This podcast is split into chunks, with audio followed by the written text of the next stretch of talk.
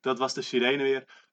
Onderstoom is terug, nu het nieuwe jaar 2022. En vandaag gaan we het hebben over. eh, we doen net iets anders.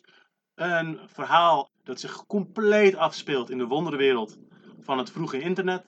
En ik ben hier samen met Henk om aan de hand van dit verhaal het ook te hebben over grassroots en astroturfing. Ik ben Alex en ik wens je heel veel plezier met de aflevering.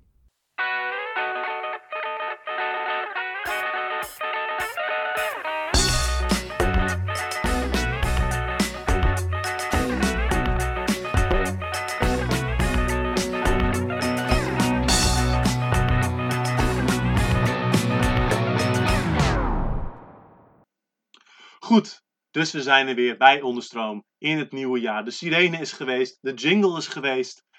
Ik ben Alex en ik zit hier weer, na lange tijd afwezigheid. Henk, je bent er weer. Welkom terug. Hoe lang is het nou geleden? Ja, veel te lang, hè? Juli of zo? Ja, het is voor de zomer nog. Ja, Ja. liberalisme in de beweging was volgens mij de laatste die we samen hebben gedaan. Daar was ik sowieso bij, ja. Ja. En eh, als ik het moment even mag nemen om even iets gevoeligs los te laten. Henk, ik mis ons. Ik mis ons ook. Toch?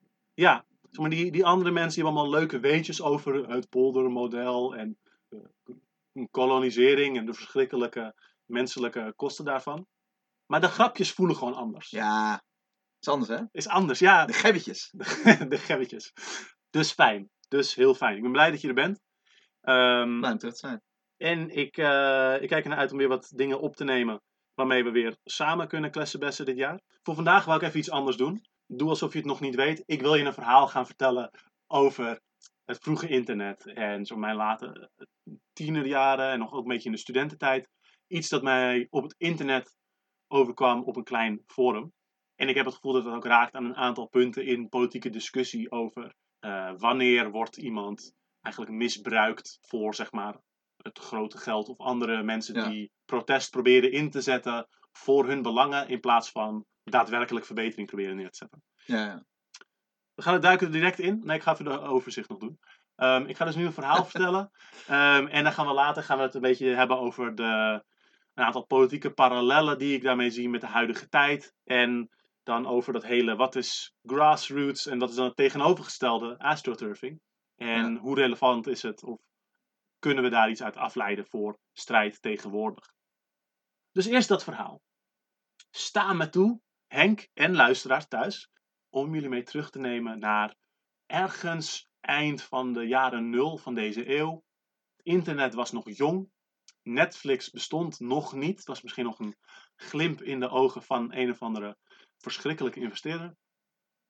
Volgens mij was het toen nog een eh, video-uitleenservice. Meen je dat? Ja, Met winkels en shit. fucking episch. Ja, nou, ik weet niet hoe lang het dat heeft gedaan, maar volgens mij was het dat eerst, ja. Holy shit. Ja. Ja. Eh, wat was er nog meer op het internet? Mensen hadden zelf forums in plaats van dat ze een Discord-server of een eh Facebook-groep of een Reddit-pagina aanmaakten. Dat was Ehm, echt pittig veel werk om dat te shit Ja, ja, ja. Kostte ook geld en shit. Ehm, dan ging de admin die ging je dan appen van... Hey, kun je een paar cent overmaken voor dit jaar? en ehm, hoe heet het? Mensen downloaden shit via Napster en zo. Zo. Napster niet meer, maar wel andere dingen. LimeWire, LimeWire en... eh, Kazaa. iedereen wist hoe je moet torrenten. Tegenwoordig doen mensen allemaal alsof ze weten hoe dat niet moet. Lui. Het was een andere tijd. Het was een andere tijd. En ik was al een beetje zo bezig met, met schrijven en fantasy shit. Ehm, en een soort van die rollenspel dingen. Eh, misschien dat sommige luisteraars ook wel zo'n soort hobby hebben. Dungeons and Dragons, dat soort dingen. En dus ook inderdaad sci-fi fantasy. En dit forum was daarop gericht. Het was gebaseerd... ehm, het was een kleine groep, zeg maar tops 40 mensen. En wat zij deden was een soort van grand strategy spellen. Dus ehm, Ja. in de wereld van Lord of the Rings, we die oorlog naspelen. En dat er verschillende personen, verschillende legers, verschillende partijen zijn. Ja. Maar dan niet die oorlog uit de film. Dat is te basic. Nee, we gaan 2000 jaar terug. eh, halverwege de Silmarillion, die oorlog. Ja, je moet altijd wat niche pakken. Ja, ja, ja, ja, ja. Ja, anders denken de normies dat ze zomaar mee mogen doen. Ehm, en dat, dat was het een beetje. Ze hadden dan zelf geprogrammeerd dat er een soort kaart was met een, een rooster eroverheen, zodat je in celletjes poppetjes kon plaatsen en dat er dan, dat er dan troepenbewegingen waren en dat er dan diplomatiek plaatsvond. Er werd heel veel geschreven en in direct message ehm, in karakter met elkaar gesproken over Ja, vet. ehm, eh, ja, wat voor allianties ze gingen sluiten, hoe ze elkaar gingen verraden. En mensen schreven ook gewoon een soort van korte verhalen in de veranderde setting van die wereld. Eh, en dat ze gewoon extra voor de lol, zeg maar, erbij, terwijl ze dat spel aan het spelen waren. Dus echt super vette immersie, vet creatieve gemeenschap. Ja. waren bijna allemaal mensen die ook dit soort spellen leiden, of zelf boeken schreven, of wat dan ook. Ja, het soort van spel voor DM's. Ja, ja, absoluut. Absoluut. En, ehm, en dat was het voor mij eigenlijk ook.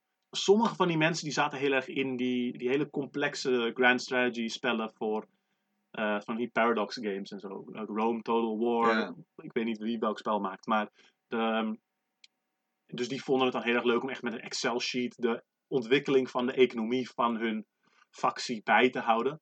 En ik was zelf veel meer gewoon van leuke dingen bedenken, brainstormen. En dan tegen de tijd dat het spel begon, was ik eigenlijk al een beetje klaar en moest ik me echt toe zetten om het vol te houden. Beetje zoals de DM's die dan zo'n hele wereld world beelden, maar dan nooit een spel erin spelen. Ja, ja, ja, precies. precies. Ja, dat, dat ben ik heel erg hierin.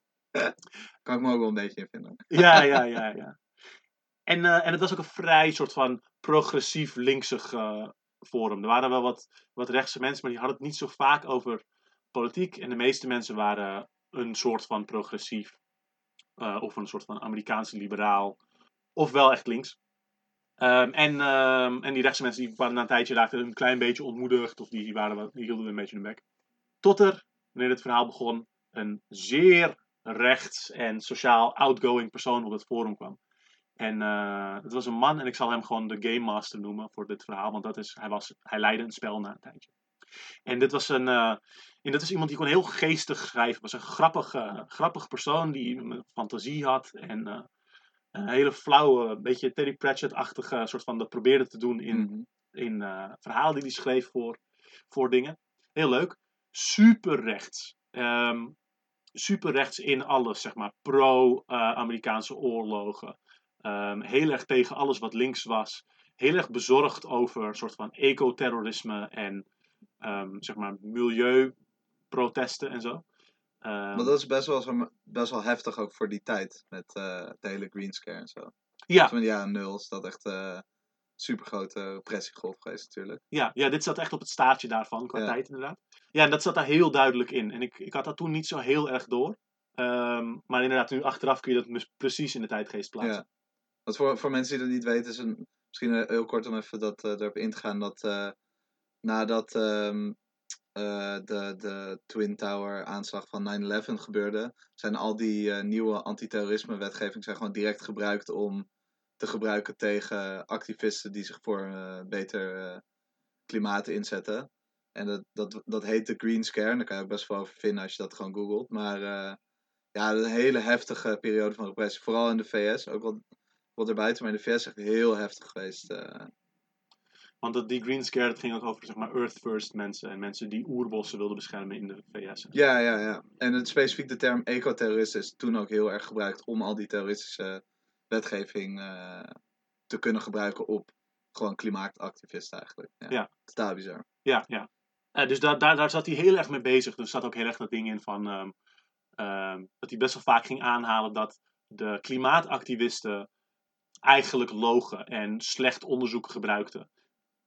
Terwijl we natuurlijk weten dat zeg maar, grote, grote oliebedrijven en zo daar fucking miljoenen in pompten om, eh, en nog steeds, om eh, twijfel te zaaien over of klimaatverandering wel of niet gebeurt. Ehm, En hij draaide dat eigenlijk om en zei: Ja, maar dat is allemaal gebaseerd op leugens. Ehm, maar dat is ook zo iemand die zichzelf dan politiek neutraal vond. Dat was een, eh, iemand uit de VS. Ja. En die was dan, zei die, niet heel erg republikein, nog democraat. Dus vond hij zich unaligned en neutraal. En dat zei hij heel vaak, terwijl hij in alles gewoon, ja, gewoon heel erg rechts was. Ja, heel typisch. extreem rechts, maar gewoon heel hard politiek begaan en rechts. ja. Eh. Heel typisch. En die persoon, die ging toen een spel leiden op het, eh, op het forum. En, ehm, Fun. fun. Ja, ja, ja. Nou, in principe was hij er dus best wel, best wel bedreven in. Was best wel goed en was leuk, zat leuk in elkaar. Maar er, er zat dus in, in, de, in de kadering van hoe het spel verteld werd, eh, hoe het verhaal verteld werd in het spel, zat daar wel een soort eh, conflictje in. Dus dat spel dat we gingen spelen, de situatie, het is de aarde. Het is nu, ehm, misschien een klein stukje in de toekomst. En, en dan gebeuren er dingen die een grote verandering plaatsvinden. In dit geval in dit geval verschijnen er in de ruimte rondom de aarde buitenaardse wezens in ruimteschepen. En die zien we nooit, daar hadden we nooit interactie mee, maar ze waren er wel. En wat zij deden, was zij begonnen de wereld voor hun te terraformen. Dus zij gooiden allemaal buitenaardse diersoorten naar de aarde, die dat, de aarde gingen overwoekeren en overnemen. En die de mensheid gingen opruimen, eigenlijk. En eh, ze stuurden dus ook allemaal virussen en plagen naar de aarde om zoveel mogelijk mensen uit te roeien. Het was een heel duistere setting in die zin. Maar het was niet zo heel duister uitgevoerd. Uh, in ieder geval de toon van het spel was niet per se zo. Uh, en tijdens deze apocalyps begonnen we met spelen. En de situatie was zo dat grote overheden waren eigenlijk allemaal in elkaar gestort, weggevallen. En in plaats daarvan zouden wij spelen voor degene die dan maar de wereld gingen redden, namelijk de bedrijven. De grote bedrijvenconglomeraten. Ja, tuurlijk. Die, wie blijft er anders over? Ja, ik, ik, ik heb nog nooit gehoord van disaster communism. Maar disaster capitalism, dat is een, dat is een idee. Dat, gebeurt meteen. Dat is direct. gewoon- je ziet het gewoon gebeuren. Je ziet het gewoon gebeuren. Ja, iedereen die, die eh, het verhaal over Fire Island kent, die denkt gelijk, oh ja, ja, rijke mensen en bedrijven, dat zijn echt de, Ja, ja, ja. precies de mensen die weten hoe het aan te pakken als het nodig is. Dat moet, je, dat moet je hebben in een crisis. Zeg maar, je loopt met een groep over een berg. Eh, er is een aardverschuiving. En één persoon zo valt zo bijna zo'n cliff in. En het, het eerste wat er is, is zegt van... Oké, eh, luister, voor een tientje grijp ik je hand vast. Voor twee tientjes vraag ik of iemand anders ook komt. Voor drie tientjes eh, mag je een Snickers uit mijn rugzak hebben. En voor vijf tientjes leidt hij ze weer op. Eerste wat mensen doen. Anyway. Ehm, dus dat is de setup van het spel. Vet leuk. En, eh, en ik dacht, nou weet je wat, ik bedenk een soort partij die draait om een, om een zeer conservatieve katholieke familie. En die bezit als familie een soort, soort conglomeraat aan bedrijven via, zeg maar, blokaandeelhouderschap. En zij zijn dus een van deze corporaties die eh, als speler in deze setting optreden. En zij verwerven enorme macht in dit spel, want natuurlijk die staten vallen weg en zij gaan dan Ja. al die allemaal rollen overnemen en gaan eigenlijk grotendeels hetzelfde doen, maar dan zijn zij het. Wat Ja. handig. En, en zodoende wordt dat, wordt dat dus best wel een, een, een partij in die wereld. En zo die andere, andere spelers doen dat ook allemaal en zij dan weer net, net andere dingen. Eén iemand die had heel erg een soort eh, Scandinavisch model dat deed alsof ze heel vriendelijk waren, maar eigenlijk gewoon een vet autoritair bedrijf ook. Ehm, en ik had dus gekozen voor een heel erg soort van traditionele waarde Ja. katholiek model. Eh, katholieken zijn niet erger dan andere gelovigen, alleen ze hebben meer boten om achter je aan te komen als je naar een ander continent vlucht. Dat is een beetje jammer. Ehm, eh, dus ik, ik koos dit. En, eh, en dat was leuk, want eh, in zo'n setting kun je dus heel goed voor de slechterikken spelen. Dat is natuurlijk wat ik deed. Ja, uiteraard. Ik was voor de slechterik aan het spelen. Dat is een trotse traditie van mij en van mensen op deze website. Als je een Lord of the Rings oorlogsspel hebt, dan moet iemand moet Sauron zijn. Iemand is de orks, iemand is Saruman, iemand is Melkor. Voor de, voor de echte kenners.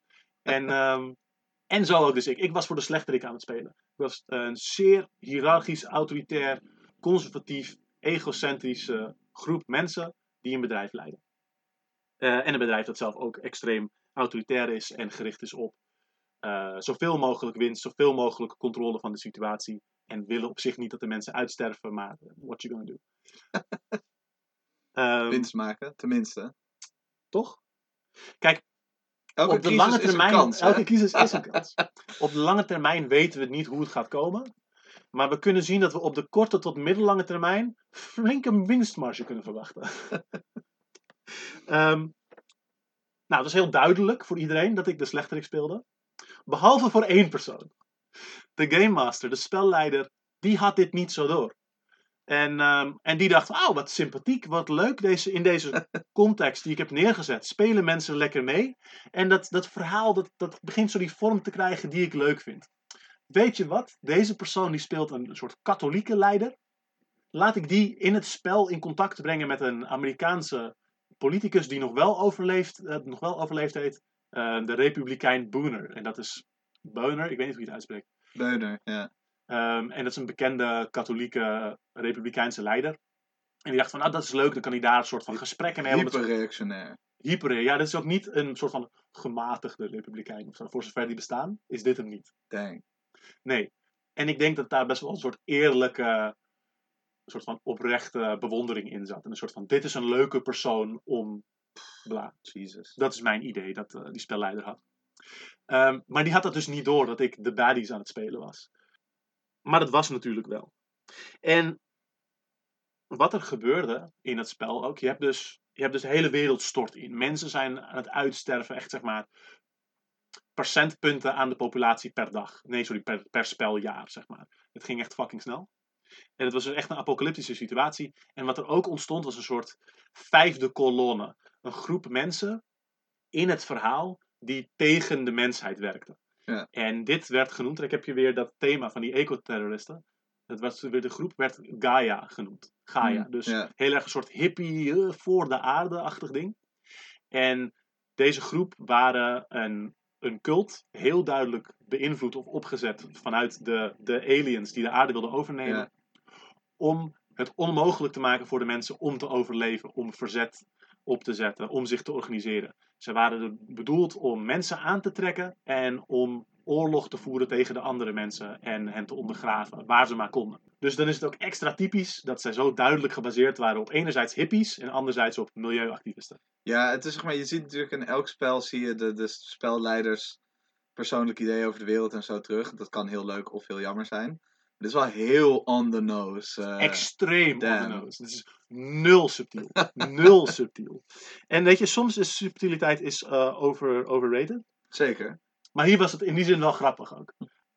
Maar ik speelde de baddies. Ik speelde heel, enorm zelf ingenomen mensen die gericht waren op winst maken. Zakenmensen. Zakenmensen.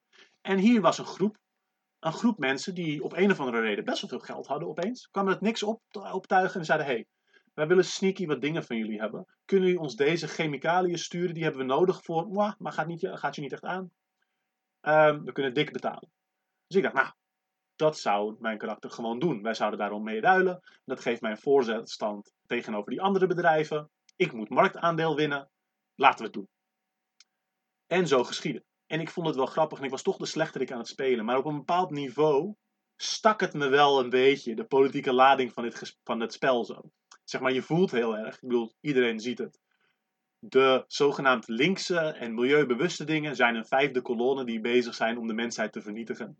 Terwijl Eh, de dappere bedrijven zich inzetten voor het heldhaftig bootstrap ophalen van eh, iedereen. Precies. Jesus. Precies. dus zeg maar, er is suspension of disbelief, maar soms begint het een beetje te steken. Soms begint Ja, het maar dit is heel onrealistisch. Orks en trolls kan ik nog in geloven. ja, die zijn gewoon gemaakt van elfen om lelijk te zijn. Dit, maar dat andere is gewoon compleet uit de lucht gegrepen. Ze zeggen wel, Melkor kan geen nieuw leven creëren. Eh, eh, maar dit spel is dus als hij toch geprobeerd had. Heel erg niche. Ik hoop dat de Lotter-fans eh, buiten dit, dit hartstikke leuk vinden. Oh ja, dus deze, dit conservatieve bedrijf waar ik voor speelde, die deed gewoon deeltjes met die, met die Gaia-cultus. Totdat er een aantal mensen opstond om zich daartegen te verzetten. Ehm, en dit was, dit was een, een dingetje dat ik toen deed. Om dat narratief van de spelleider een beetje om te draaien. Dus wat ik dacht is van nou, ik schrijf een verhaal over iets dat intern binnen dit bedrijf plaatsvindt. Waar er daadwerkelijk verzet is. Waar er mensen opstaan die zich organiseren Van echte linkse mensen. echte linkse Ja. mensen mensen eh, en, en radicalo's en dingen die zich organiseren om indruk, eh, om invloed te krijgen in het bedrijf, om, het, eh, om hun problemen aan te spreken, om te zorgen dat het werk veiliger is, om te zorgen dat de grondstoffen die naar die bazen gaan, dat die daadwerkelijk bij de mensen terechtkomen. Om te zorgen dat die bazen ophouden met deeltjes sluiten met die verschrikkelijke cult. Omdat ze natuurlijk de wereld eraan gaat. En ik wist toen niet hoe weinig ik hoefde te overdrijven. Wat als we nou gewoon ophouden met actief de kansen van de mensheid te verwoesten? Dat was toen best wel far out. Maar goed, het was een fantasy spel, weet je. We waren zo naïef in die tijd. Oh jee, hoe, hoe fantasy realiteit geworden is. Woe! Dat is een mooi thema voor 2022. Hoe eh, dystopische sci-fi en fantasy realiteit geworden is. Ehm, ah, dat is al een paar jaar relevant, moet ik zeggen. Ja, zeker. Maar goed, want Het wordt, ontwijk, het wordt alleen de maar steeds relevanter. Oei, oei, oei, oei. Dus die groep die staat op. En ik, ik noem dat in dit van, het was, een, het, was een, het was een soort coalitie. En daar had ik toen een acroniem voor bedacht. En ik weet niet meer wat het was. Maar er En een van de organizers daarvan, die is dan een figuur in, deze, in dit verhaal. En die spreekt soms namens die coalitie en die heeft daar gesprekken over. En die beklaagt zich daarover. Van fuck, we zijn hier gewoon bezig om betere voorwaarden te krijgen. Om te zorgen dat eh, wij ook beveiligd worden wanneer we s'nachts na het werk naar huis gaan en er overal fucking monsters lopen. En we zijn daar gewoon mee bezig en we proberen die bazen aan te pakken om shit te fixen. En dan komen de hele tijd komen die cult tegen. En in dit verhaal zette ik dus die cult heel erg neer als een, als een, een soort concurrent, een vijand van de linkse mensen die hun best doen om uh, alternatieve ruimtes vrij te maken. Om te zorgen dat die cult erbuiten blijft, dat ze mensen kunnen organiseren om daadwerkelijk voor hun belangen op te komen. En in dit verhaal lukte dat tot op zekere hoogte, maar is er daar heel veel soort van conflict mee. En zouden er straatgevechten ook zijn tussen, zeg maar, infiltranten van de cult en, en die coalitie die daadwerkelijk bezig is met strijd. Wow. En dat is dus hoe ik dat narratief probeerde om te draaien. Ik zeg van nee, dit zijn niet de activisten, dit zijn, dit is een soort gekke ja, cult die gesteund wordt door mogendheden elders. Uh, en de echte linkse, de echte radicalo's, die zijn gewoon bezig met gevecht en moeten aan beide kanten ellebogenwerk doen. Um, en ik, ik, schreef toen een verhaal waarin deze leider van die, uh, die organizer in die coalitie bij een van de leiders van het bedrijf terecht kwam en dat zij dan een soort gesprek daarover hebben en een onderhandeling en dat er eisen naar elkaar gesteld worden, et cetera. Dus toen ik dat plaatste op het forum, ja. toen was de Game Master, de spelleider, was daar niet zo blij mee. Die had opeens viel er zo'n kwartje zo. En zo, oh, are we the baddies? En, die, en er kwam zo'n heel ding in. Oh fuck, ik moet echt extreem kwaadaardig voor jou overkomen. Ik ben toch een heel aardige gast. Maar nee, zo kom ik extreem evil over steeds. Tjonge, jonge, jongen. Dat was wel een heel ander beeld dan zo zeg. um, dus wij daar zo'n gesprek over. En nog zo'n paar keer een dingetje heen en weer. Totdat hij, als zeg maar, in zijn positie als spelleider, de teugels vastgreep. Uh, en daarmee zo het paard zo ging burgen. Zo. Um, want wat hij deed, was dat hij zei van nee, ik maak deze call gewoon. Het is van jou onhandig eigenlijk dat je nu een soort van interne factie in jouw eigen partij in de handen van, uh, van, van Gaia, die cult, aan het drijven bent.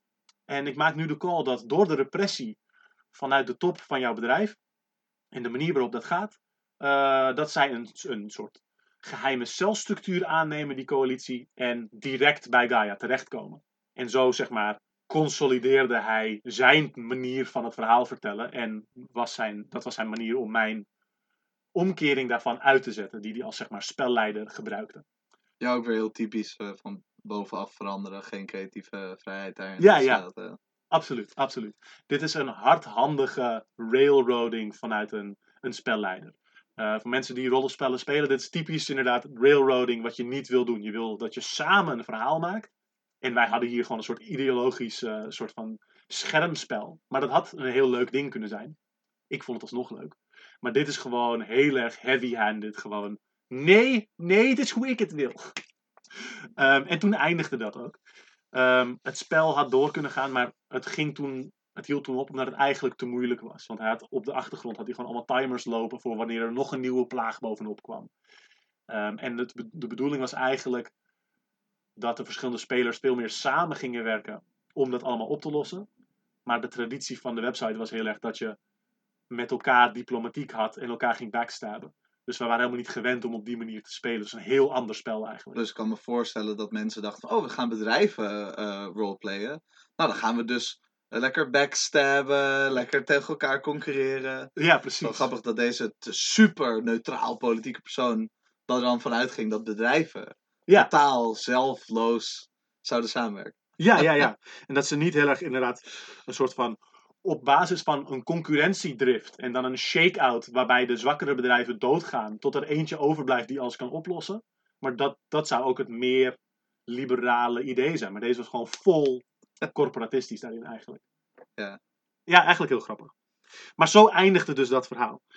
Maar ik, ik denk er nog vaak aan terug. Uh, zeker zeg maar, nu er zoveel meer uh, en zoveel populairdere soort van samenzweringstheorieën zijn. En mensen die daarmee bezig zijn. En ook dus demonstraties op straat van mensen die denken dat uh, corona niet bestaat of bedacht is of niet schadelijk is. Of ehm, door Bill Gates is uitgevonden in een lab in China ergens. Ja, en al die eindeloze dingen van QAnon en Absoluut, eh, ja. weet ik het wat allemaal. Ja, Ja, de grote popularisering en verrechtsing van die samenzweringstheorieën. ja, En, en ook zeg maar, de, hoezeer alternatieve media in de hand zijn genomen door eh, grote sponsoren, rechtse denktanks, et cetera. Eh, dat raakt gewoon heel erg daaraan. Dus dat is leuk, daar kunnen we het zo over hebben.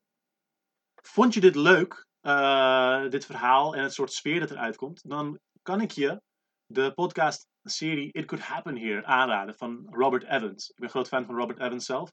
En It Could Happen Here, het eerste seizoen, het luistert een beetje als een soort true crime docu-serie. Waar Robert Evans uitlegt waarom hij het waarschijnlijk vindt dat er een tweede burgeroorlog aankomt in de Verenigde Staten. Of een nieuwe, afhankelijk van hoe, hoe je telt, is er misschien al een tweede geweest. Eh, in de Restoration Era, toen de KKK werd opgericht. En hij geeft dus aan waarom hij denkt dat het waarschijnlijk is. Hoe een burgeroorlog in de Verenigde Staten tegenwoordig eruit zou kunnen zien. Waar het vandaan komt, hoe dat werkt. Hoe het zou kunnen eindigen. Eh, en ook enigszins wat je, wat je kunt doen. En eh, het is heel leuk verteld. Het is eh, goed onderzocht. Het is een interessant verhaal. En het is ook, als je eh, niet zo heel links of radicale vrienden hebt, is een heel makkelijke manier om hen een soort leuk true crime-achtig ding te laten luisteren. Dat eigenlijk best wel wat radicale theorie meegeeft. Hij heeft gewoon na een tijdje een interview met mensen die gewoon disaster communism gedaan hebben. En de serie gaat nu ook nog door. Is een tweede seizoen dat nu bezig is. En het zijn nu allemaal dagelijkse dingen over eh, hoe de Verenigde Staten nu uit elkaar vallen. En, en wat mensen nu doen om alternatieven op te bouwen. Dus er komen heel veel interessante dingen langs. Heel veel vette radicale sprekers. Eh, echt een aanrader. Ja, en om dan een beetje door te gaan in de sfeer van eh apocalypse en dat soort dingen. Ehm, als je dat interessant vindt en vooral de, de prepper kant leuk vindt, er is ook een andere podcast die ik heel erg zou eh, a- aanbevelen. Eh, het is ook Engelstalig, dus eh, het heet Live Like the World is Dying. Is een eh, podcast van Margaret Killjoy. Dankjewel. Ehm, en eh, die gaat eigenlijk gewoon op een. eh, het, is, het is gewoon een anarchistische prepper podcast. Die eh, echt alle aspecten van, van prepping vanuit allerlei verschillende angles eh, bekijkt. En eh, echt super aanrader. Heel leuk om te luisteren en echt intens leerzaam.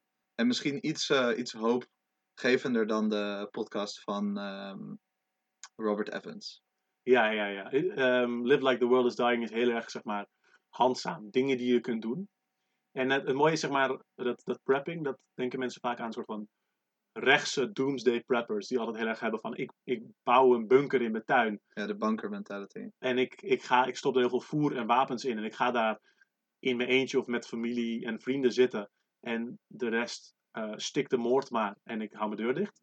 En Live Like the World is Dying gaat veel meer vanuit: oké, hoe kunnen we nu communities bouwen, gemeenschappen, die ons weerbaarheid gaan geven in een noodsituatie. En hoe kunnen we dan ook weer mensen betrekken en onszelf veilig houden, et cetera, et cetera. Maar veel meer vanuit een soort opbouw, communale mentaliteit. Ja. ja, ook dingen die, waar we nu al iets aan hebben.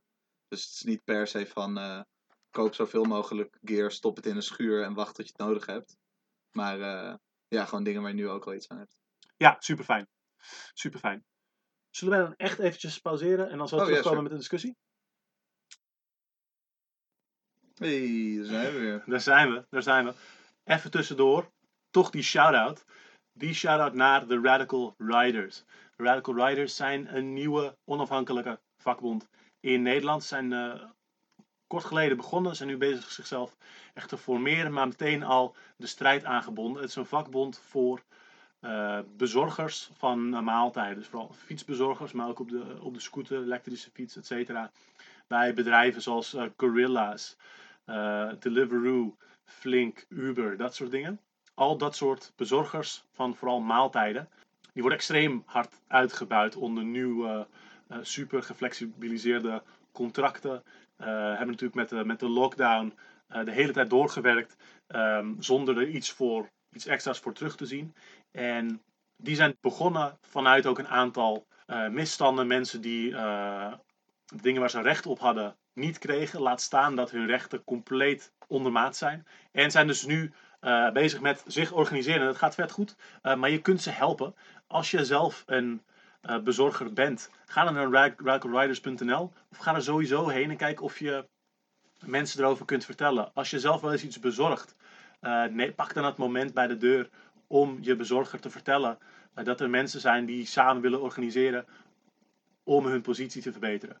Eh, plak anders een sticker bij je deur of geef een sticker af als jij iets bestelt. Of spreek gewoon iemand aan op straat. Ehm, radicalriders.nl Heel veel succes. Dan gaan we terug naar de show.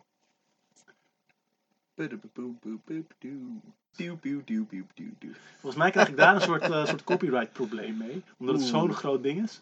Ehm, app me als je, eh, of e-mail me alex.onderstroom.red als je weet welke jingle Henk net nadeed. Vet leuk. Dus we hebben net dat, dat verhaal gehad eh, over de soort van de, de strijd om het narratief in een compleet obscuur sci-fi spel. Eh, maar er zaten een aantal dingen in waar ik steeds aan moet terugdenken.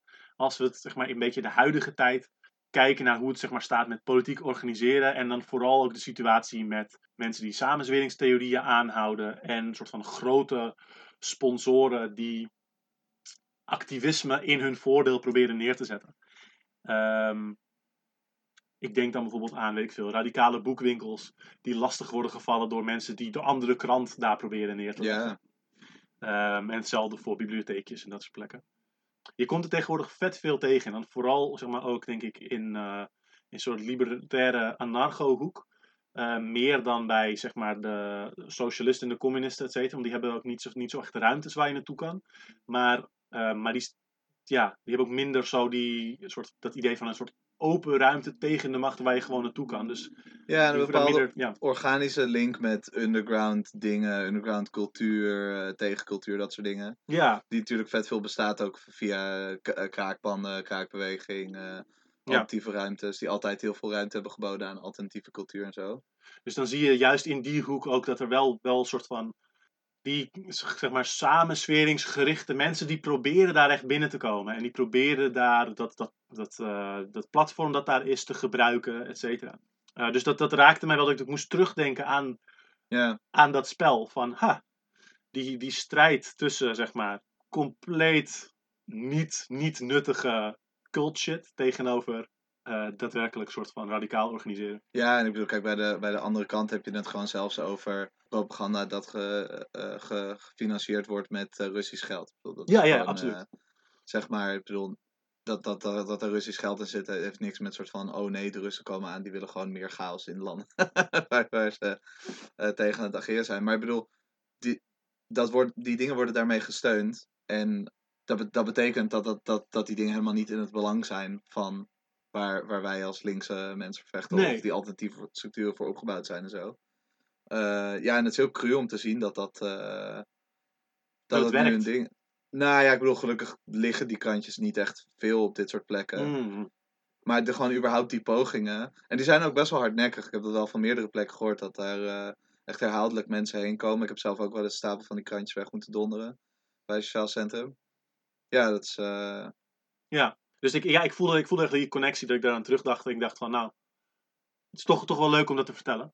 Ehm, en ik dacht, een, een, een leuke manier om het hierover te hebben, is om te kijken naar grassroots tegenover astroturfing. Grassroots is een term, die kennen we misschien wel voor, zeg maar, goed protest en goed soort van opgebouwde macht die daadwerkelijk voor, voor een goed iets is en voor, voor mensen zelf. En Ja. astroturfing is een woord voor eigenlijk dingen die niet zijn hoe we het zouden willen, die niet de bedoeling zijn. ja. Wat is grassroots volgens jou?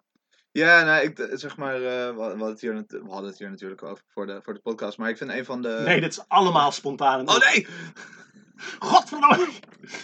We hadden het er vooraf even over, ja. Ehm, en eh, nee, dat, ik denk dat zeg maar een van de meest dingen die het het meest karakteriseert, is dat, dat grassroots dingen van onderop zijn. Zeg maar, bottom-up. Het zijn gewoon dingen die. Zeg je, je hebt grassroots dingen die echt horizontaal opgezet zijn en zo. En je hebt dingen die dat iets minder zijn. Maar het zijn wel altijd dingen die van onderop komen en ook eh, ageren tegen, tegen de, ja, de heersende macht of, of eh, heersende idealen en dat soort dingen. En dat bij AstroTurf gewoon het tegenovergestelde feitelijk aanwezig is. Het verschilt een beetje wat voor soort dingen je het over hebt. Want je hebt natuurlijk hele duidelijke voorbeelden van AstroTurf die echt alle echt alles erbuiten gaan. Eh, maar dat zie je vaak meer eh, buiten Nederland, zoals in de VS of Ja, zo. ja. Dat echt acteuren worden ingehuurd Ja. Want bedrijven. dat is misschien wel leuk om dan zeg maar voor, eh, om die ook apart te definiëren. Want grassroots zeggen we nou, dat komt echt van onderop. Dat zegt van de mensen die bouwen dan samen iets op om druk te kunnen uiten of om hun idealen neer te kunnen zetten. En astroturfing is dat is dus dan astroturf is kunstgras, maar dat is een Engelse term die is overgewaaid uit Amerika. En, en dat gaat Dat zal eigenlijk weer eens niet. dat zal weer eens niet. En dat, dat gaat ook echt dus over dat extreem. Dus in plaats van grassroots heb je kunstgras. Dat is, dat is niet echt gras. Het doet alsof. En het wordt zo in één keer zo hats neergelegd. En het, het doet alsof het van onderop komt. Ja. En je Dus- kan er niet eens op voetballen. En je kan er niet, je kan er niet eens op voetballen. Ehm, want dus het ex- extreemste voorbeeld van wat is nou, wat is nou echt typisch, soort van ideaal typisch astroturfing. Dat is dan dus wat je zegt, dat er ehm, Nou ja, dat, dat- er is, er is wel grappig. eh, de, van dat Last Week Tonight met John Oliver heeft hij een keer zo'n aflevering over gedaan. Daar heb ik allemaal die voorbeelden uit. Maar dus er zijn, zijn er zomaar lobbygroepen van bepaalde bedrijfssectoren die bepaalde wetten er doorheen willen krijgen. Dus dan huren ze ac- acteurs in om naar van die town hall meetings en zo te gaan. Om daar als bezorgde burgers in te spreken voor een bepaald ding. Waardoor zij dan een product waarschijnlijk goedkoper kunnen maken, omdat het niet aan bepaalde regulations hoeft te voldoen. Of, eh, oh, er was ook zo'n ding over dat allemaal mensen over brandveiligheid gingen inspreken. Omdat ze het allemaal heel onveilig vonden. Maar het bleek een lobbygroep te zijn. Ze zat erachter van ehm brandblusserproductie. Dus had echt, maakte hun echt geen fuck uit hoe veilig het was. hoe Je je wilde gewoon dat er per vierkante meter meer brandblussers moesten hangen in bepaalde gebouwen. Zodat hun productie omhoog ging, omdat ze dan een vaste afname hadden. Holy shit. Ja, echt, echt totaal bizar. Het is echt typ, typisch van die VS shit dat je zo zit van, hoe, hoe, hoe bestaat dit? Maar Ja, maar dat, dat zeg maar dus de, de, de puurste vorm is dan een bedrijf of een sponsor die wil iets. En die gaat gewoon mensen betalen om te doen alsof ze activisten zijn. Om te doen alsof ze een oprechte persoonlijke bezorgdheid hebben. ja, Ze, ze kopen dat af met gewoon hun geld om hun bedrijfsbelang neer te zetten. Terwijl ze doen alsof het om die mensen gaat. En dat is echt het extreme daarin. ja, Uh, maar er is natuurlijk een heel soort van terrein tussen waarover je het kunt hebben van wat is nou echt, of wat is nou goed, wat is nou goed protest, of wat is, wat Ja. is grassroots? Wanneer telt het er nog- nog en niet? Ja, en ik, kijk, je hebt natuurlijk ook wel eh, iets soort van minder ver van je bed voorbeelden van eh, dit soort astroturfing. Ik bedoel, die hele zeg maar, corona-conspiracy eh, natuurlijk in Nederland en overal. Maar ik bedoel, in Nederland zitten daar gewoon eh, giga geld achter. Je hebt bijvoorbeeld die andere kant, nou, daar zit, daar zit al Russisch geld achter onder andere. Ja. Die wordt echt op gigantische schaal gedrukt en verdeeld. En Gewoon alsof het, alsof het het reclameblaadje van de Dirk van de Broek is. ja, ja. bij mensen gewoon in de brievenbus op een bepaalde postcode, whatever. Ja. Ja, even kijken. Ja. Nee, en eh, bijvoorbeeld die, heel veel van die protesten. eh, eerder, ik, ik weet niet of dat nog steeds zo is, maar het zal me niks verbazen. eh, maar helemaal aan het begin van de corona, maar begin 2020. Toen zat er echt fucking veel geld achter die protesten vanuit de horeca-branche. Allemaal hele grote horeca-bonzen en zo. Die zelf natuurlijk nooit, nooit eh, gevonden wilden worden op die demo's. En die, die wel heel verstandig eh, gevaccineerd thuis blijven. Die willen gewoon niet dat hun sector dicht gaat. Precies, ja. en Zij gaan zelf ook niet werken in die sector. Dat, dat kunnen andere mensen kunnen dat risico op zich nemen natuurlijk. Die stopten daar geld in. En daar zie je een beetje dat het, dat het wringt tussen, zeg maar... Want natuurlijk de mensen die naar die demo's toe gaan... zijn over, overgroot eh, gedeelte, of misschien iedereen... maar die zijn gewoon overtuigd van een bepaald idee. En dat, dat komt uit hunzelf voor. En het zou ook... Het zou een beetje een miskenning zijn om te zeggen dat, dat, dat die alleen maar voor een karretje gespannen worden. Ik bedoel, ze geloven in best wel veel stomme ideeën, vind ik, maar, qua maar, de corona niet, niet eh, erkennen en dat soort dingen. Maar daar geloven ze oprecht in. Maar ze, ze worden door die manier gesponsord ook wel een bepaalde richting ingestuurd en, en er wordt een bepaalde kant op gefaciliteerd. Ja. Eh, en dat, dat, dat, dat trekt hun heel erg een bepaalde kant op en eh, maakt bepaalde dingen makkelijker en bepaalde dingen moeilijker. Ik weet niet, jij hebt ook al die eindeloos mil- miljoenen stickers van eh, al die eh, corona conspiracy shit. Ja. En eh, ik bedoel, dat, dat is gewoon niet grassroots ge- gefinancierd. Het is niet ge- gecrowdfund of wat dan ook. Dat is gewoon een paar, paar rijke lui hebben daar gewoon flinke duit in de zak gedaan. Ja, ja, ja.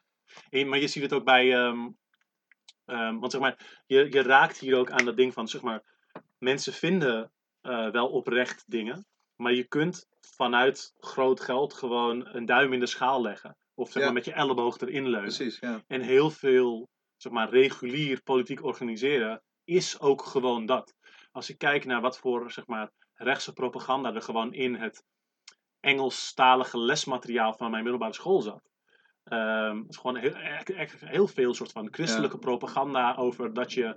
ehm, over wat, wat een goede, sympathieke kinderen die erachter komen dat rockmuziek helemaal niet deugdzame teksten heeft. En dat ze die dan opplakken op hun muur zodat ze ze niet kunnen luisteren. Dat ze voortaan naar goede rockmuziek, zoals Creed en andere Christian rock gaan luisteren. Maar die, Wat? die toegang en die. Dat is best dat- wel wild. ja, ja, ja, ja, ja, ja. Dat is de WASP Reporter. Dat is grappig. Het woord WASP staat dus voor White Anglo-Saxon eh, Protestant. Protestant. En dat was gewoon het, het lesmateriaal dat op mijn middelbare school werd gebruikt voor de Engelse taal. Zo. Rechtse indoctrinatie. En, maar dat is normaal, zeg maar. In normaal politiek organiseren zit dat. Je gaat bepaalde stemmen ga je proberen te verheffen omdat je het daarmee eens bent. En je gebruikt daarvoor de middelen die je hebt. Eh, dus daar, zeg maar, dat, dat is eigenlijk normaal. En het, nou, maar het, maar het, het wringt wel, omdat je dus hebt van... Hmm. ehm, sommige dingen komen van onderaf.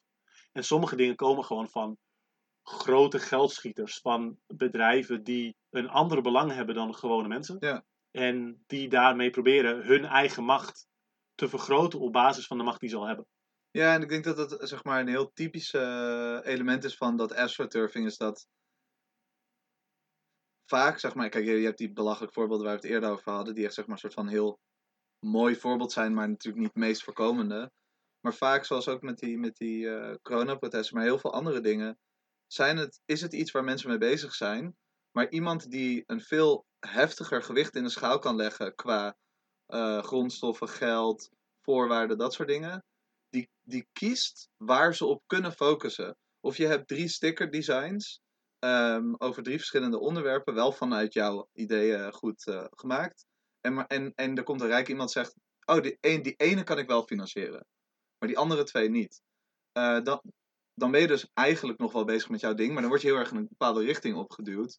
Ja, dat, dat is gewoon heel vaak hoe dat voorkomt. En dat is ook typisch waarom het heel belangrijk is dat we eigen structuren hebben in beweging die op een veel sympathiekere manier met ge- dat geld kunnen omgaan. Zoals bijvoorbeeld solidariteitsfondsen en zo. Ja. Die minder op zo'n manier eisen aan dingen stellen en het proberen te, te manipuleren en beïnvloeden een bepaalde kant op. Maar juist mensen proberen te eh, faciliteren en mogelijk maken dat mensen het ding wat ze al willen doen, Ja. kunnen doen. En dat mensen dan zelf kunnen bepalen waar ze het geld aan uitgeven. Ja. Dus van ja, we kunnen, ik bedoel, ook die solidariteitsfondsen hebben niet eeuwig geld. Dus maar, maar dan, zeg maar, ik weet niet, in hetzelfde voorbeeld zie ik dan voor me dat je dan zegt van, oh, we willen eigenlijk 3000 euro aan stickers kopen, 1000 euro per sticker design. En dan zeggen ze, nou, we kunnen maar 1000 euro geven. Maar dan mag je zelf wel beslissen dat je dan van alle drie wat minder doet.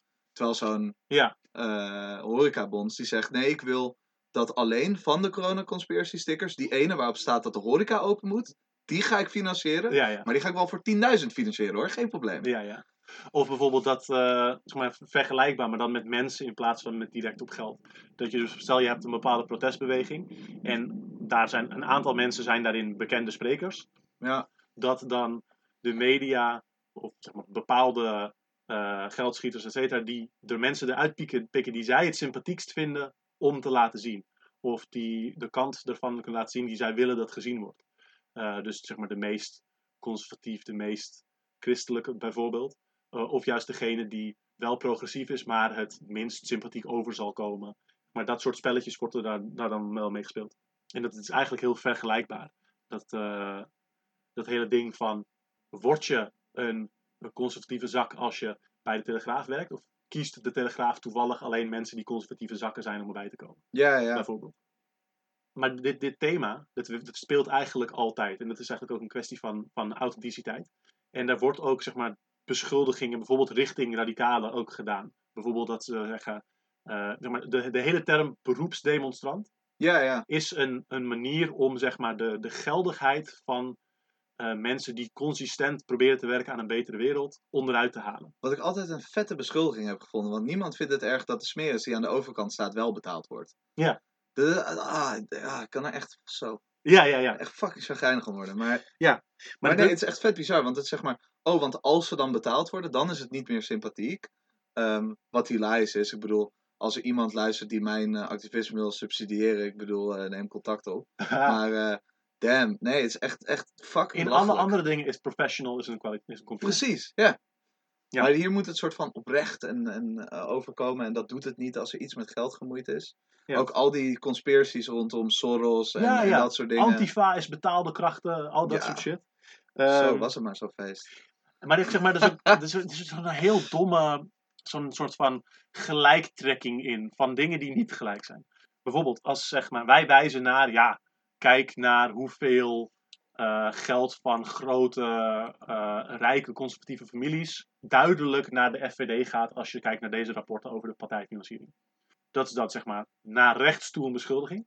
Maar ik heb dus mensen wel gesproken die de andere kant op de beschuldiging plaatsen. Ja, maar Occupy was net zozeer astroturfing, want een of ander alternatief magazine genaamd Adbusters heeft daar ooit een paar duizend euro aan gesponsord toen het net begon.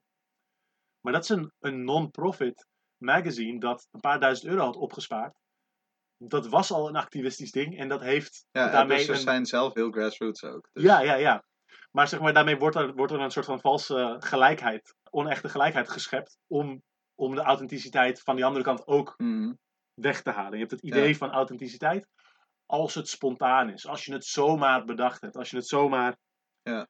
eh, als het spontaan en klein en onondersteund is. Het is eigenlijk een heel krom, liberaal idee van politieke strijd. Nou, ja, het, en het is heel dubbel. Het is altijd zeg maar. Je, je kan, het, het is zo'n typisch ding van je kan het nooit goed doen als eh, eh, demonstrant of, of als actievoerder. Want je moet zeg maar. Als je niet knullig en ehm, daarmee eigenlijk ook incompetent en ongoed voorbereid overkomt. Nou, dan moet het wel doorgestoken kaart zijn. Ja.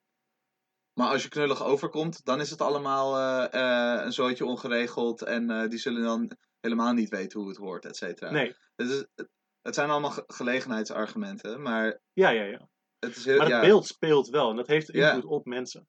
En het is ook, zeg maar, dat, dat, dat idee dat die strijd spontaan en ondoordacht moet zijn. Het is van, ah, ik ben gewoon echt normaal aan het meedraaien in dit systeem op de beste manier die je kan. Maar dan kan het me niet meer inhouden. En ik ga toch echt op deze regenachtige dag nu op het Malieveld staan. En ze gaan het maar zien. Als je zo naar politieke strijd kijkt, dan heb je al verloren. Want je kunt hier niks mee winnen. Dit is helemaal niet hoe je consistent werkt aan een betere wereld neerzetten. ja het, is, het is heel erg, zeg maar, gericht op spektakel. Op de manier hoe Hollywood-films ook eh, protesten laten zien. Dat, zeg maar, opeens de vlammende pan slaat en iedereen de straat op gaat zonder enige vorm van voorbereiding. En, en er wordt ook altijd een soort van democratische mythe mee opgehouden. Want als er dan zoveel mensen op straat gaan, nou dan, dan zullen dingen wel veranderen. En dat zeg maar totaal niet Spoiler het geval. alert. Eh, zeg maar, ja, het, zeg maar, in, in Nederland gaan dat soort belachelijke getallen niet zo heel vaak de straat op. Maar genoeg landen waar er gewoon miljoenen mensen de straat op gaan voor dingen. En er wordt er totaal niet naar geluisterd. eh, voortdurend. Dus ja, het, het, het zeg maar een bepaalde illusie eh, voorhouden over hoe het zou moeten werken. Ja. En dan helemaal niet ingaan op hoe dat daadwerkelijk politiek werk eruit ziet. Ik bedoel, het, ja, je ziet het gewoon als, je, als je gewoon echt naar de geschiedenis van protest gaat kijken, zie je dat dingen altijd georganiseerd worden. En dat er gewoon superveel voorbereiding eh, aan vooraf gaat. Ook als dingen wel spontaan zijn. Je kan, je kan natuurlijk niet alles plannen. Maar er zit heel veel voorbereiding aan vooraf. Ik, maar, ik denk bijvoorbeeld zelf aan een eh, boek dat ik heel goed vind. Het heet eh, Ready for Revolution. Het gaat over de voorbereiding die in de anarchistische beweging werden getroffen voordat ehm, de fascistische coup eh, pogingen, die helaas later eh lukte, ehm, uitbrak. Maar die werd, was in de vorige eeuw, zeg maar, tussen de Eerste en de Tweede Wereldoorlog in, had je de Spaanse revolutie. ja, De Spaanse burgeroorlog. Ja. Allebei. ja, volgens mij in 36, 1936 begonnen. En nou ja, dan. ja, er is een. eh, eh, in het kort, is een, er is een eh, ehm, overwinning van linkse en progressief-liberale politieke partijen. Legerleiding kan er niet tegen, dus die, komt, die, die, die doet een coup. En dan is er een lange burgeroorlog en daar, daar ook een revolutie. Maar in ieder geval, die werd, in eerste instantie werd die in heel veel gebieden, eh, werd, werd die leger werd omvergeworpen door de arbeidersbeweging. eh, die in Spanje voor een groot deel uit anarchisten bestond, maar ook eh marxisten, communisten, et cetera. En in dat boek gaan ze dus in wat ze deden voor die opstand. Er wordt altijd gefocust van, oh, dan gaan ze de barricade op en dan is het aan. Ehm, maar het is juist heel interessant om te kijken, wat, wat gaat eraan vooraf? En dan zie je pas wat er echt zeg maar, het belangrijke werk is. Om, uber- ja, om überhaupt op zo'n plek te kunnen komen. Eh, want als ze dat niet hadden gedaan, hadden ze natuurlijk nooit überhaupt die, die weerstand kunnen bieden. En dan was die burgeroorlog nooit geweest of niet zo lang geweest. Ja. En totaal geen kans op succes gehad. Ja, het, maar het zijn, ja, het zijn dat soort dingen dat zeg maar, in, in Hollywood, in nieuws, in media gewoon nooit onder de aandacht gebracht worden. En als ze dan wel een keertje iets laten zien over protest, dan laten ze dit expres niet zien. Dan halen ze dit helemaal weg. Ook deels uit eigen onwetendheid natuurlijk. Maar daardoor hebben mensen een beetje het idee van... Dat is hoe het hoort of zo. Of dat is hoe Ja. het nou eenmaal werkt. Ja, inderdaad. En er, er zit ook een heel, zeg maar, dan heb je weer dat, dat, dat spanningsveld ook van, vanaf hoeveel voorbereiding gaat wie het nog steeds grassroots noemen. Omdat je ook heel erg hebt van, nou, is het dan als het, als het, is er een kwestie van grootte? Of is het een kwestie van hoe horizontaal is iets georganiseerd? Of van hoezeer kun je er eh, een soort van autonoom bij? Of zeg maar, wat is, wat is de kwalificatie die het bepaalt? En zeg maar, vaak, nou, zeg maar, algemeen liberaal model is het. Nou, eigenlijk alles wat niet de staat is, maar ook niet spontaan is, dat telt niet. En dan zeg maar via dus die mythe van, nou, er is nu democratie, dus alles wat de staat doet is van het volk en heeft alle legitimiteit. Terwijl dus rechtse dingen vaak gewoon, gewoon alles wat hen niet zint, bij definitie al, eh, al afwijzen. Dus er, zit wel een interessant, eh, eh, interessant ding in. Ik vind ook soms wel grappig dat bijvoorbeeld sommige van extreem autoritaire communisten. Dan, en, en zeg maar heel erg op individueel soort van kleine netwerk anarchisten daarin soms elkaar een, een hand kunnen schudden. Zeggen ze, ja kijk, eigenlijk is een vakbond is ook wel een soort staat. Hè? Dus het maakt niet echt uit. en dan zegt de ene kant, zegt, nou ja, dus je kunt, moet het allebei niet doen. En de andere zegt, nou, dus, dus allebei even erg. Dus het maakt niet uit wat ik doe. One struggle, fuck it. Ja, heel lijp. Ja. Toch, toch horseshoe theory, hè? Zie, Toch, altijd zien. horseshoe theory. Kijk, het zijn ook allemaal modellen en sommige zijn gewoon op sommige dingen van toepassing. Eh, en dan weer van andere. Volgens mij zijn we er. Hebben we nog meer dingen? Ik ben erg leeg. Toch? Nou, ik vond het hartstikke leuk. Ik hoop dat jullie mijn tipje van de sluier over mijn benevelde verleden op meer dan één manier eh, leuk vonden. Wat zullen ze denken als ze horen dat ik op het internet zit? Ehm, Schandalig. Schandalig. Eh, volgende maand zijn we er weer. Hebben we ook weer leuke shoutouts en updates. Want er gaat heel veel gebeuren de komende tijd. Ik heb heel veel zin in 2022. En ik ben heel enthousiast. En ik hoop jullie ook. Samen gaan het ma- maken. Pauze op die collectieven. Nou, hartstikke bedankt en tot de volgende keer. Laat me weten wat je vindt. Alex at onderstroom.red. Nooit Henk mailen. Ciao.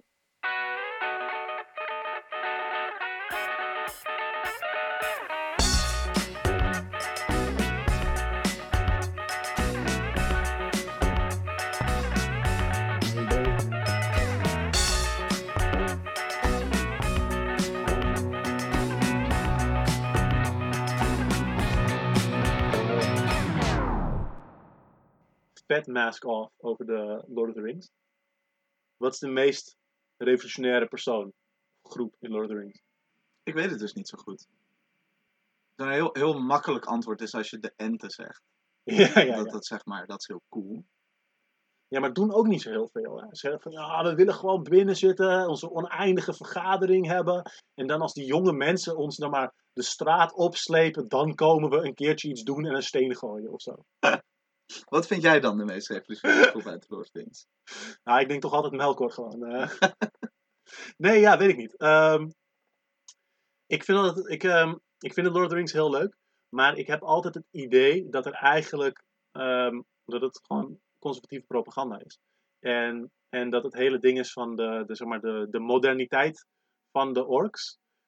eh, eigenlijk een soort, soort, ook een soort lelijke soort van voorstelling van het verhaal is waar ik het eigenlijk niet zo mee eens ben. Dus dat ik eigenlijk heb van, hmm, ik vind het eigenlijk. eh, er, ergens wil ik zeggen de orks, maar ze zijn eigenlijk niet zo slecht of zo. Maar dat is natuurlijk onzin, dat kan in dat verhaal helemaal niet. Ze worden gedwongen! ja, nou, dat is wel, overigens. Ja, tuurlijk. Ja, ja, ja. Dus ik zou, ik zou zeggen. Hashtag free the orcs. Ja, ja, ja, Free the Orcs. Eh, de meest revolutionaire, dat zijn de, de rebelse, eh, solidaire orks. Die in de, in de kelders van Barad-dûr opstand aan het voeren zijn waar je verder nooit wat over hoort. Ja, het is heel, heel typisch, hè? Ja. Dat die allemaal weg worden gehaald. En die anderen, die loyale, conservatieve orks, die krijgen al het platform. Die mogen in alle talkshows praten. Die gaan gewoon vanavond staan ze bij Jinek. Ja.